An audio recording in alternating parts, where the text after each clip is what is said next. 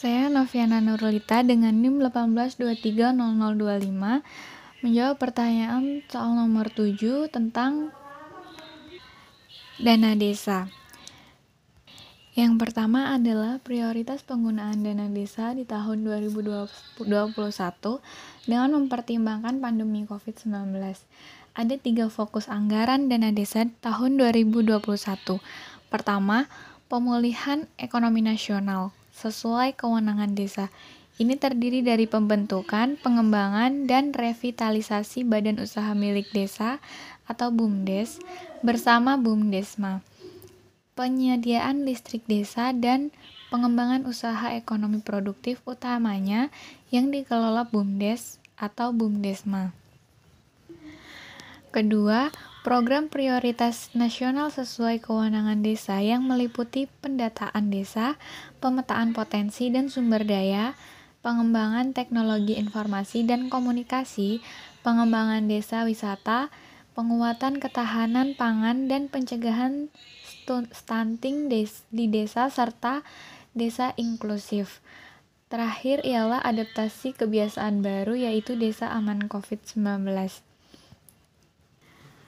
Pemanfaatan dana desa dalam pandemi COVID-19 ini diarahkan ke bantuan langsung tunai dana desa untuk 8 juta 8 juta keluarga atau 39 juta jiwa.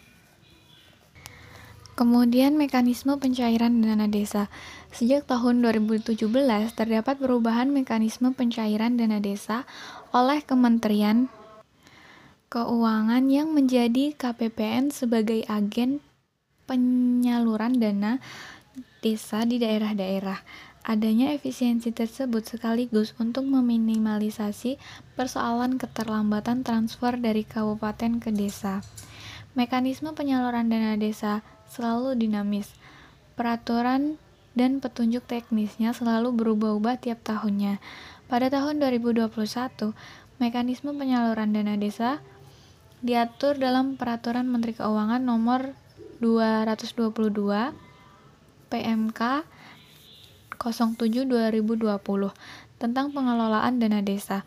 Beberapa perubahan terkait mekanisme penyaluran dana desa pada tahun 2021 adalah komposisi alokasi yang berubah, yaitu pagu dana desa semakin naik, rasio ketimpangan distribusi lebih kecil sebesar 0,467 daripada rasio ketimpangan distribusi pada tahun 2020 sebesar 0,476.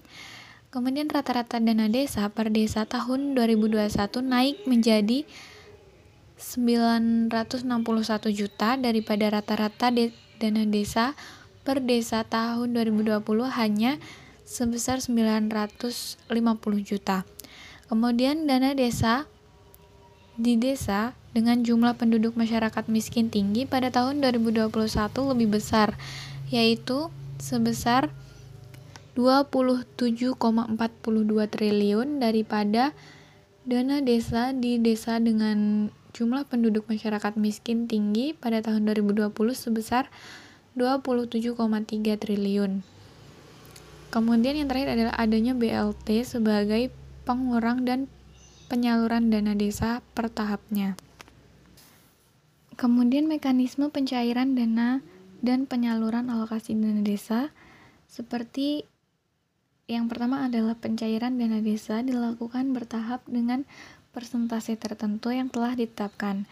Kemudian pencairan pertama diajukan oleh kepala desa kepada bupati melalui camat disertai dengan kelengkapan administrasi yang telah ditentukan. Kemudian, pencairan tahap kedua dapat dilakukan apabila penggunaan pada pencairan pertama sudah dipertanggungjawabkan baik secara administratif, secara teknis, dan secara hukum. Kemudian pencairan baik tahap pertama maupun tahap kedua dilakukan dengan pemindah bukuan dana dari kas daerah ke rekening kas desa. Kemudian yang terakhir adalah penyaluran alokasi desa, alokasi dana desa dari kas desa kepada pelaku aktivitas atau pemimpin pelaksana kegiatan. Kemudian ada prosedur pencairan dana desa kepada pemimpin pelaksana kegiatan. Yang pertama, bendahara desa mengajukan surat permintaan pembayaran kepada kepala desa melalui sekretaris desa yang dilampiri dengan rencana kebutuhan desa dan bukti-bukti pengeluaran dana sebelumnya.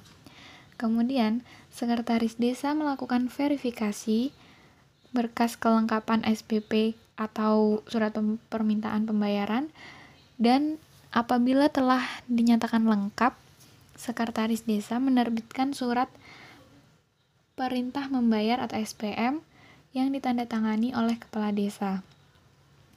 Kemudian, bendahara desa setelah menerima SPM dan surat rekomendasi camat mencairkan kepada pemegang kas desa pada bank yang ditunjuk. Kemudian yang terakhir, dana yang telah dicairkan oleh bendahara desa dibukukan ke dalam buku kas umum atau BKU untuk selanjutnya diserahkan kepada pimpinan kegiatan disertai dengan bukti penerimaan.